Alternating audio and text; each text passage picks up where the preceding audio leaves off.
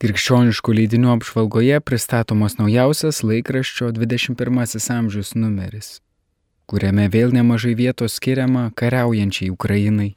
Pranešama, kad Ukrainos graikų apieigų katalikų bažnyčios Kyjivo ir Haličio didysis arkivyskupas Svetoslavas Ševčiukas Romoje susitiko su popiežiumi Pranciškumi. Skelbiamos kasdienės Ukrainos ganytojo vaizdo žinios. Arkivyskupas ne tik praneša apie karo baisumus, bet ir labai prasmingai kalba apie šeimos ir gyvybės saugojimą. 21 amžius praneša, kad praėjusį sekmadienį Vilniuje švenčiausiosios trybės rytų graikų apieigų katalikų bažnyčioje iškilmingomis šventosiomis mišiomis pradėti jubiliejiniai šventojo Juozapato metai. Prieš šventasis mišes iškilminga dvasininkų procesija atėjo išvakarėse parengta šventojo Juozapato koplyčia, kurioje išdėstytos šventojo ikonos, relikvijos, o aukštai lankė šventojo Jozapato Kuncevičiaus vitražas. Įgumenas tėvas Mikolajus Ruslanas Kozelkivskis atidengė naują šventojo Jozapato paveikslą, ikoną, dailininkas Igoris Kišteščiokas, vyskupas iš Lenkijos Arkadijus Trochanovskis ją pašventino. Šventasis mišes aukojo 19 dvasininkų, kadangi didysis arkivyskupas Svetoslavas Ševčiukas negalėjo atvykti, Jį pavadavo vyskupas iš Lenkijos Arkadijus Trachanovskis, vyskupas iš Romos Irenijus Ihoris Bilik. Šventosiuose mišiuose meldėsi paštalinis nuncijus Lietuvoje arkivyskupas Petaras Antunas Raičius, Vilniaus arkivyskupas Gintaras Grušas ir vyskupas auxiliaras Darius Trijonis. Minint Lietuvos katalikų bažnyčios kronikos metus, 21 amžius spausdina keletą tekstų iš jos, apie kunigą jėzuitą Antaną Šeškevičių ir jo persekiojimą molėtuose bei garžduose. Jauniems nepriklausomybės metais gimusiems tokie kunigo persekiojimai turbūt neįsivaizduojami ir nesuprantami, tačiau prieš 50 metų jie buvo dažno uolaus kunigo realybė. Įdomius įspūdžius apie bendravimą su kunigu Antanu Šeškevičiumi jam dirbant naujoje Akmenėje, Garžduose, Klaipėdoje, aprašo šiuo metu Vokietijoje gyvenanti Anelė Pazenau.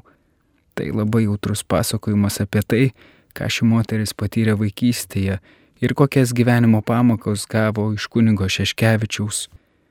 21-ame amžiuje rasime ilgą tekstą apie kitą kunigą pavadintą Lietuvos katalikų bažnyčia ir kunigas Kazimieras Vasiliauskas raudonuoju laikotarpiu. Vytauto didžiojo universiteto docentas dr. Artūras Gritskevičius apžvelgia ne tik monsinjoro Kazimiero Vasiliausko biografiją, bet ir jo jaunystės metais ir grįžus iš tremties patirtą ignoravimą. Juk ilgą laiką monsinjoras te buvo tik vikaru, net į provinciją klebonų jo neskyri. Tarnaudamas Varenoje ir Vilniuje, Švento Arkangelo Rapolo bažnyčioje, nebijojo pasirašyti raštų, kuriais buvo kreipiamas į raudonąją valdžią dėl katalikų bažnyčios, atskirų dvasininkų ar religijos praktikavimo laisvės.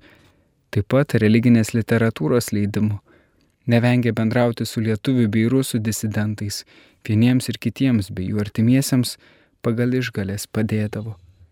Šio kunigo akivaizdus nuoširdumas ir vertingi pamokslai Vilniuje pelnė žinomumą ir populiarumą. Artūras Gritskevičius rašo, kad nuožmių represijų ir mėginimo išlikti laikotarpiu 1944-1953 metais labiausiai nukentėjo kunigai 1944-1952 metais nuteista 360 kunigų, taigi kas trečias Lietuvoje pasilikęs kunigas. 1949 metais, kuomet buvo įkurta NATO, kas raudonųjų buvo suvokiama kaip didžiausia grėsmė, Raudonojoje imperijoje buvo vykdoma kampanija prieš šventąjį tėvą, popiežių Pijų XII kuris aštriai peikė komunizmą ir draudė katalikams bendradarbiauti su komunistais. Vis dėlto Lietuvos katalikų bažnyčios, bent dauguma kunigų, naujai tvarkai bandė priešintis. Jie dvasiškai, morališkai ir materialiai rėmė partizanus, taip pat nuosekliai atlikdavo pareigas visiems pasauliečiams. Ne visi dvasininkai raudonųjų spaudimui atsispirdavo, jie tapdavo informatoriais bei agentais, pastarėjai buvo ypač destruktyvūs. 1948 m. sausį Lietuvos Sovietų sąjungos agentų biuras turėjo 142 agentus, iš kurių 57 buvo kunigai. Tai yra 40 procentų agentų buvo kunigai. Vis dėlto turint minti, kad iki to laiko buvo nuteistas 161 kunigas, galima teikti, kad agentų tapdavo maždaug vienas iš keturių bendradarbiauti stipriai verčiamų dvasininkų. Palyginus su visų tuo metu Lietuvoje besidarbavusių dvasininkų kiekiu, agentų buvo santykinai mažai.